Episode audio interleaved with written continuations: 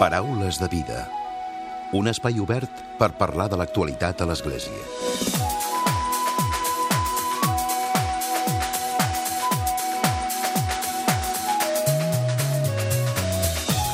Què tal? Salutacions i molt bon dia, molt bon diumenge. Avui us tornem a parlar de la Fundació Salut Alta de Badalona i és que aquests dies ha posat en marxa una iniciativa solidària que té per nom Motxilla 2018. Fins al dia 25 d'aquest mes, la Fundació Salut Alta de Badalona té el repte d'aconseguir 5.000 euros per finançar part de les quatre activitats d'estiu que l'entitat proposa per un centenar d'infants i adolescents del barri. Des d'aquesta entitat ens recorden que l'estiu és una de les èpoques de l'any en què es fa més visible la bretxa d'oportunitats entre infants, ja que no tots els nens i nenes tenen assegurat el dret a l'educació en el lleure com a espai d'aprenentatge, de socialització i també de creixement personal. I és per això que la Fundació Salut Alta engega la campanya Motxilla 2018 amb l'objectiu de multiplicar inscripcions, tot deixant petjada a la salut alta. De seguida coneixerem els detalls d'aquesta iniciativa i ho farem en conversa amb la directora de la Fundació Salut Alta, en Maria Nadeu.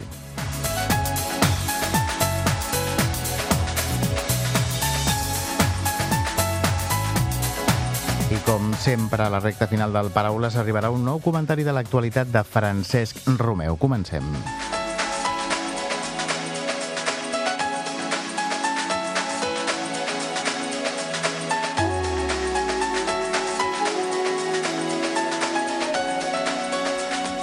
Paraules de vida.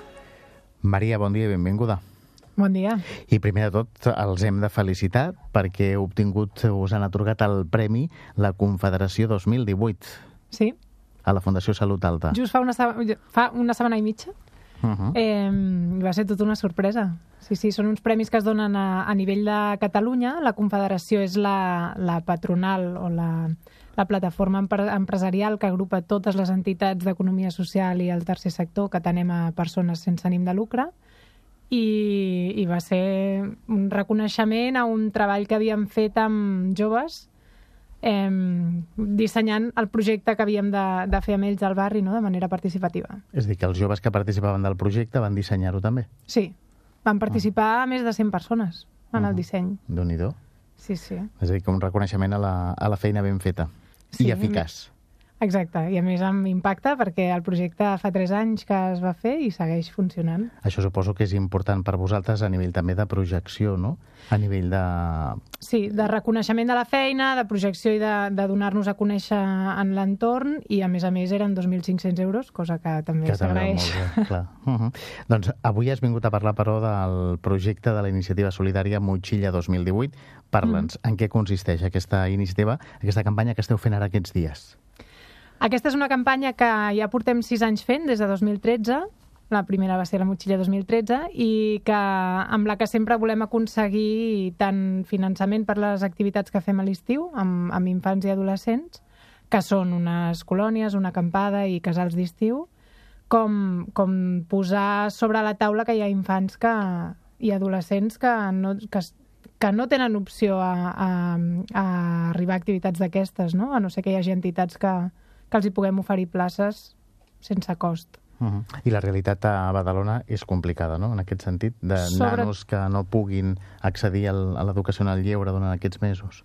Sí, Badalona té molts districtes molt diferents entre ells i, i el que és el districte on està el barri de la Salut, que és on som nosaltres, um, són 20.000 persones al nostre barri, 60.000 al districte, per tant és una ciutat enorme dintre d'una altra ciutat molt més gran, no?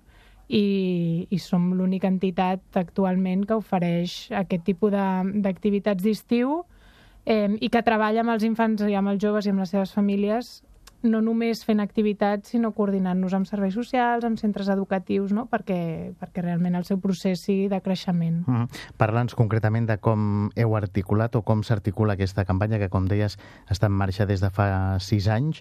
Eh, La gent que vulgui col·laborar, com ho pot fer? La manera més fàcil és entrar a la nostra web, fundaciolasalutalta.org, i, i ja veuran que hi ha un, una gran imatge no?, que porta la campanya. Llavors, és bonic perquè és una campanya que quan entres a la pàgina té un marcador que va pujant a mesura que la gent va, va posant diners. Volem aconseguir 5.000 euros i amb aquests 5.000 no financem totes les activitats d'estiu, també s'ha de dir que només financem el 15%, però ja és un, una bona aportació, no? Llavors la, la gent pot donar el que vulgui. Nosaltres oferim diferents opcions. O col·laborar amb l'acampada, llavors té uns preus no? que són orientatius. O col·laborar amb les colònies que té uns altres preus, o col·laborar És a dir, que hi ha un desglòs de, de les activitats? O? Sí, expliquem les activitats, el que costa cadascuna, i llavors la persona tria a veure on vol col·laborar. Uh -huh. I aquest any ho relacionem, cada any la campanya doncs, eh, l'expliquem d'alguna manera, no? I, I aquest any és... Eh, el lema seria un, que fes que la teva inscripció deixi petjada i això va sobretot destinat a totes aquelles persones que a l'estiu s'inscriuen a alguna activitat, no? Llavors és, volem generar la consciència de que tota aquella gent que té el poder adquisitiu per poder-se inscriure a una, a una activitat, d'aquesta inscripció que fa per ell o per ella, pugui donar una petita part, un 1%, un 2%, a, perquè una altra persona no? pugui inscriure's en una activitat que si no, no podria. Uh -huh. I, I llavors, en aquest sentit, hem innovat aquest any perquè hem anat a esplais i caus del nostre entorn i hem ofert que, que, que ho donin a conèixer a les seves famílies i ho incloguin en el que són les seves inscripcions d'estiu perquè cada família de l'esplai, doncs, amb la seva inscripció, pugui donar una petita És a dir, que ja de manera eh, directa i col·laboren, no? Sí, tenim ara mateix doncs, dos esplais i, tres esplais i dos caus que s'han adherit a la campanya. I La que... resposta ha estat eh, satisfactòria, no? Sí, s'hi han volgut implicar.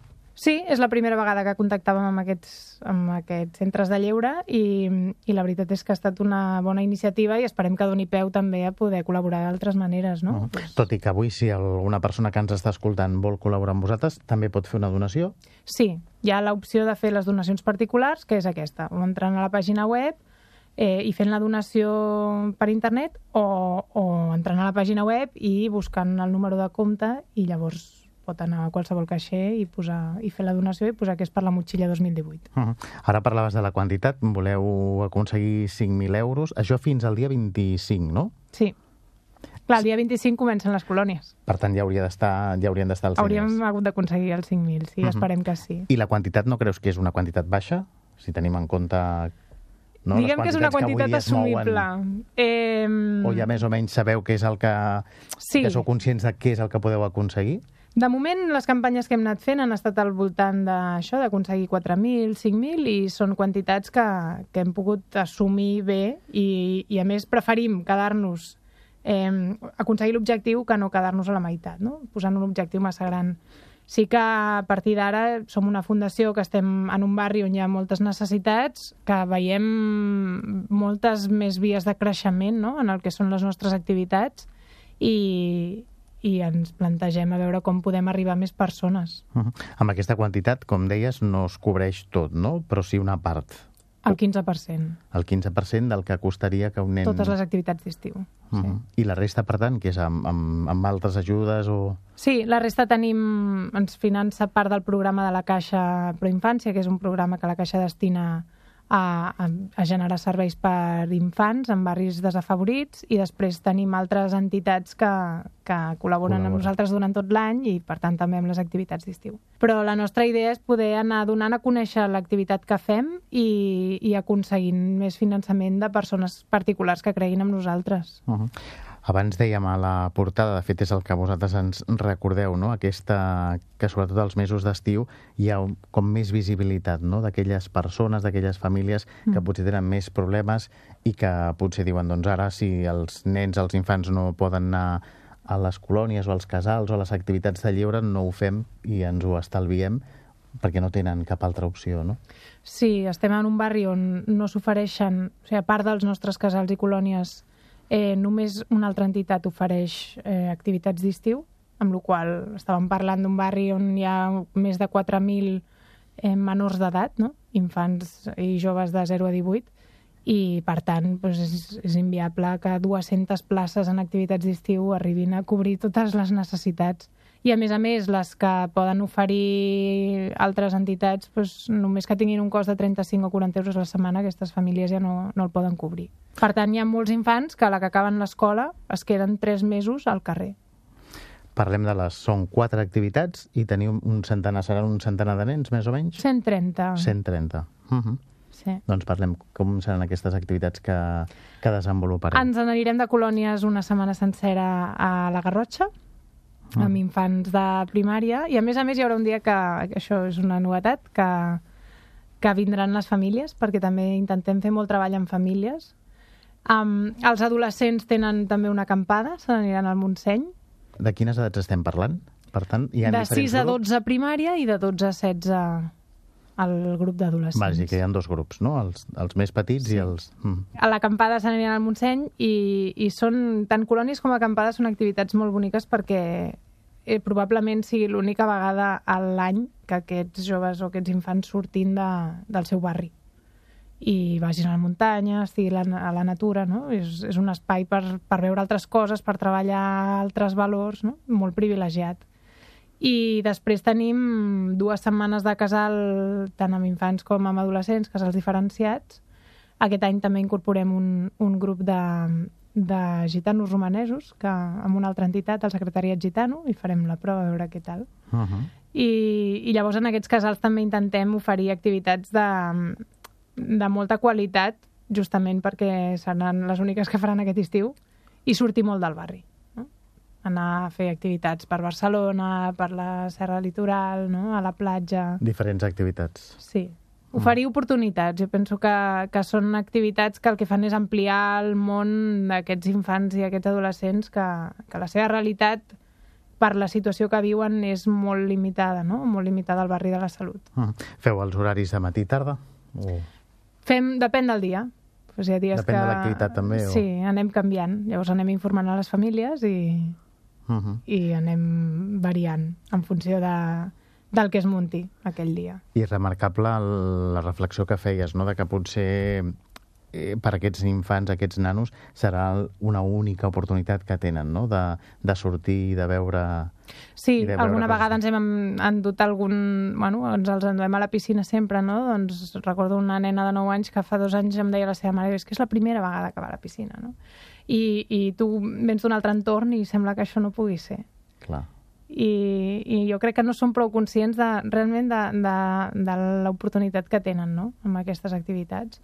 Això també, les activitats d'estiu no deixen de ser el, el final de tot un treball de curs. El o sigui, nosaltres amb no? aquests infants treballem durant tot el curs, treballem amb activitats d'aprenentatge, d'educació emocional, de lleure. Llavors, en aquests dies és un espai privilegiat per poder treballar altres, altres aspectes, no? Mhm. com tots els hàbits, temes d'alimentació, eh, tota la part de joc, doncs és el màxim exponent de, de, de tots els valors que s'hi mouen, no? Quants monitors hi ha? Quants teniu? Una mica com coordineu tota la, la feina? Treballem un equip de nou educadors i educadores socials. Si nosaltres no som monitors, per això també el cost és més elevat, no? perquè amb aquests infants doncs, necessitem educadors socials Uh -huh. i, a més a més, doncs, tenim un psicòleg, tenim eh, gent de magisteri, tenim monitors i directors de lleure, o sigui que és un equip multidisciplinar. I comencen el dia 25, Comencen les el 25 activitats d'estiu fins... fins al 20 de juliol. Uh -huh. Sí, és un mes que fem d'activitats. Un mes i després el descans estival. Sí, que també és merescut perquè l'equip porta tot, tot l'any treballant.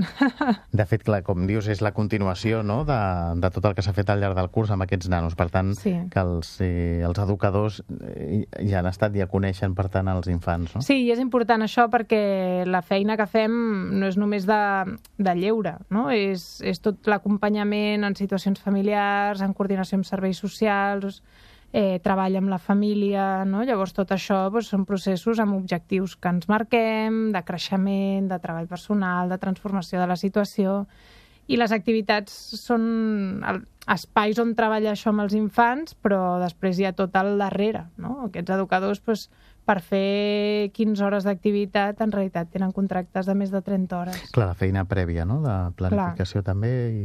Sí, tot el que hi ha darrere, de, no només de preparació d'activitats, sinó d'acompanyament de les persones. Jo penso que som una entitat que bàsicament ens dediquem a acompanyar persones. I, i llavors els espais on fer-ho són activitats com aquestes de l'estiu. L'entorn familiar d'aquests eh, infants és complicat, no, Maria? És molt complicat, eh, molt precari, a més s'han anat empobrint les famílies no? amb totes les polítiques, les crisis, els problemes de trobar feina i, i hi ha famílies que sobreviuen amb prou feines. Llavors els infants són víctimes de tot això i, i a més són situacions que generen mm, desprotecció per ells en el sentit de que poden rebre maltractaments... Eh, poden... Els més vulnerables, no? Clar, poden ser... Tenim infants amb temes de salut mental, ja, bueno, es viuen a les llars, es viuen tensions, es viuen neguits, que això doncs, van, va, es va acumulant no? dintre d'aquests infants i són coses que nosaltres acompanyem, intentem treure, treballar de fet, és, eh, la setmana passada mm, ja recorden que compartíem el Paraules de Vida amb el director de, de Càritas Barcelona que també ens parlava d'aquesta situació, no? de la memòria de l'activitat de, de l'any anterior i en el que es veia aquesta fragilitat que hi ha social no? de les famílies i dels infants que són els que després de retruc ho pateixen més. Sí, i amb uns recursos eh, minvants a nivell públic i, i des, molt desorganitzats i desestructurats des de l'administració. No? O sigui, el, la gent que treballa a peu de carrer fa el que pot a nivell de serveis socials i escoles, i sort en tenim d'això, però, però ni molt menys poden donar resposta a les situacions d'habitatge, de, de feina, de salut, totes les situacions que viuen aquestes famílies. Mm -hmm. Maria, sí. i per acabar, hem de recordar que la Fundació Salut Alta té el seu origen també eh, religiós, no? Sí, vam néixer d'una capella que es diu la capella Sant Joan Baptista, que, que porten els jesuïtes a dalt de tot del barri de la Salut. Uh -huh. És el barri de la Salut puja cap amunt, no? una muntanya, i a la part alta, la Salut Alta, hi ha una capella i la comunitat fa 14 anys va veure la necessitat de crear aquesta fundació. Uh -huh. Una fundació que, com avui hem pogut comprovar en conversa amb la, amb la Maria, doncs fa una tasca molt, molt interessant i una tasca que arriba sobretot als més vulnerables. Maria, quin seria el missatge? Va, recordem als oients del Paraules de Vida que si volen poden col·laborar, com a mínim entrar a la vostra pàgina web, veure quina és la feina que, que esteu fent al llarg de tot l'any i que ara culmina amb aquestes activitats d'estiu, no? Jo diria que entressin a la pàgina i investiguin. Eh, la pàgina és, és www.fundaciolasalutalta.org. Uh -huh. I allà veuran la campanya i totes les activitats que fem. Les campanyes centrals, com aquesta, com també la que es fa a finals d'any, uh -huh. i tota l'activitat... La, que aquest de... final d'any pues, en traurem una altra, que encara és sorpresa. Doncs segurament que també us convidarem perquè vingueu i l'expliqueu al Paraules de Vida. Maria, gràcies per haver-nos acompanyat avui. Gràcies a vosaltres. Paraules de Vida un espai obert per parlar de l'actualitat a l'Església. I ara arriba el comentari de l'actualitat de Francesc Romeu. Francesc, molt bon dia. Molt bon dia a tothom. Relleu per sorpresa aquesta setmana al capdavant de la Direcció General d'Afers Religiosos de la Generalitat de Catalunya per una decisió de la nova consellera de Justícia Esther Capella d'Esquerra Republicana, el fins ara director Enric Vendrell ha estat substituït per Marcelí Joan. Tal i com ens va mostrar Enric Vendrell en unes declaracions a l'agència EFE, el seu relleu l'ha sorprès i l'ha dolgut, atès que l'han rellevat sense cap motiu aparent i en uns moments en els que el nou govern de Quim Torra pretén de tornar-ho tot i restituir tothom a la situació d'abans de l'aplicació de l'article 155 de la Constitució espanyola. És per això que des del nostre programa volem manifestar el nostre agraïment a Enric Vendrell per la seva tasca i el seu bon encert al capdavant d'aquesta direcció al llarg d'aquests cinc anys de servei públic, facilitant una deguda coordinació de totes les entitats religioses sense cap mena d'exclusió i procurant sempre per la seva coordinació i afavorint la diversitat amb un tracte d'igualtat. En aquests moments de comiat d'una bona gestió, m'agradaria subratllar tres trets característics del que ha estat el bon treball d'Enric Vendrell. En primer lloc, cal reconèixer que Vendrell es va fer càrrec de la direcció general ara fa cinc anys en uns moments en els quals hi havia una oficina i un personal dedicat, però també una forta retallada de recursos. Davant de la crisi de recursos, Enric Vendrell ha estat el recurs de l'oficina ell en persona, fent-se present en tots els actes i assistint a totes les convocatòries religioses. En segon lloc, li devem l'empara i el nou impuls que ha donat tots aquests anys a la mostra de cinema espiritual i a l'elaboració del baròmetre sobre la religiositat i sobre la gestió de la seva diversitat. Finalment, i en tercer lloc, també li hem de reconèixer el seu treball aquests darrers mesos, aguantant i mantenint la institució sota la llei de l'article 155 i sense cap mena de conseller. A tots ens dol que ara no pugui seguir amb la seva feina. Val a dir que aquesta Direcció General d'Afers Religiosos ha passat per múltiples dependències en l'organigrama de la Generalitat i per múltiples mans. En el seu origen va ser una secretaria de relacions amb les confessions religioses que depenia directament de la presidència. Però aquests darrers anys, ja amb Enric Vendrell va passar de la Conselleria de Governació de Joana Ortega, als inicis, fins a la Conselleria de Governació, Administracions Públiques i Habitatge de la Generalitat amb Meritxell Borràs. I ara, finalment, ha passat sota el paraigües de la Conselleria de Justícia amb Esther Capella. I si recordem els que han passat per aquest càrrec, tots amb el seu encert, hem de recordar en els seus inicis el seu creador, Ignasi Garcia i Clavel, en els seus governs de Convergència. Durant l'època del govern tripartit es va convertir en una direcció general que va liderar Montserrat Coll, independent vinculada a Esquerra Republicana excepte durant uns mesos de l'any 2006, que la va ocupar l'aleshores socialista Jordi López Camps. El 2010, amb el govern d'Artur Mas, va ser nomenat Xavier Puigdollers i el 2013 el va substituir Enric Vendrell, els dos procedents d'Unió Democràtica de Catalunya. Per altra banda, nosaltres, que poc tenim a veure en aquesta mena de decisions, des del nostre programa també volem donar una molt bona benvinguda i desitjar un bon treball i un bon encert al nou director general d'Afers Religiosos, en Marcelí Joan, un home ben conegut i ben apreciat per tots nosaltres. Marcelí Joan és i ha estat un molt bon periodista.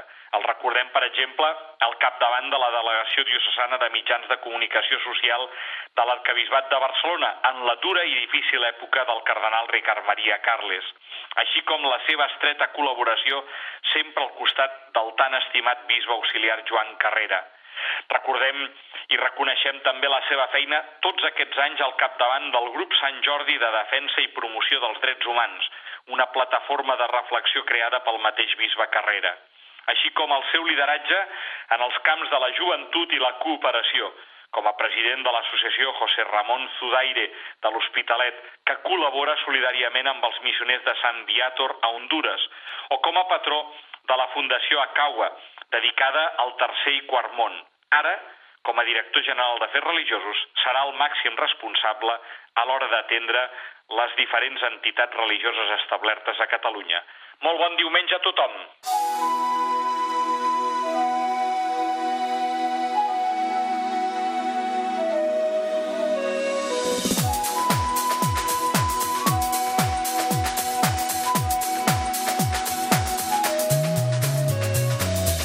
Fins aquí el Paraules de Vida d'aquesta setmana, d'aquest diumenge. L'Eduard Nas ha estat el control tècnic i qui us ha parlat l'Emili Pacheco. Que passeu bon diumenge i bona setmana.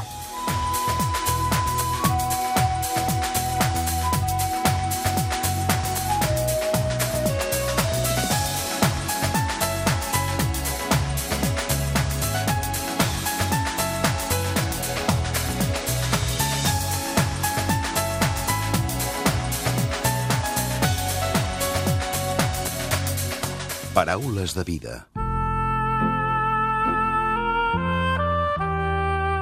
Us oferim la carta dominical de l'arcabisbe de Barcelona, Joan Josep Omella.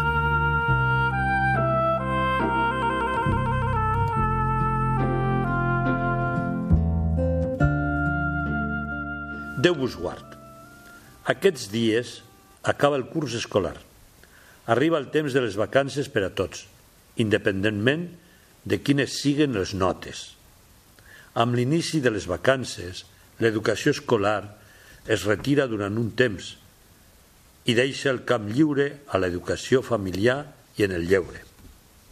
La família té com a crida essencial el compromís i la responsabilitat d'educar els fills en el sentit de conduir-los adequadament vers l'edat adulta. Convé recordar que els fills especialment quan són menors d'edat, necessiten el suport material, afectiu i moral dels adults.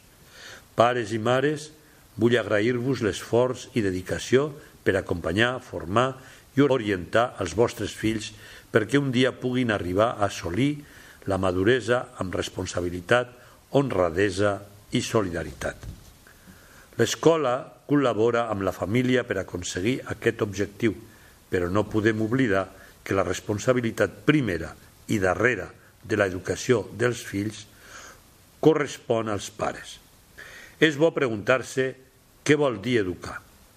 Coincideixo amb els pedagogs que argumenten que educar significa construir humanitat i conferir un projecte de vida a les persones. Ara bé, un projecte de vida requereix esforç i treball. En primer lloc, cal que tinguem domini interior per alliberar-nos de lligams que limiten el nostre creixement i capacitat de decisió. En segon lloc, cal que descobrim el nostre projecte de vida per establir una escala de valors que ens ajudi a respondre autènticament a les necessitats més profundes d'autorealització. I en tercer lloc, cal tenir la fortalesa interior per prendre decisions dia a dia segons aquest projecte. És per això que escola i família han de ser capaços de facilitar les eines i recursos que ajudin els infants a cercar el seu projecte vital.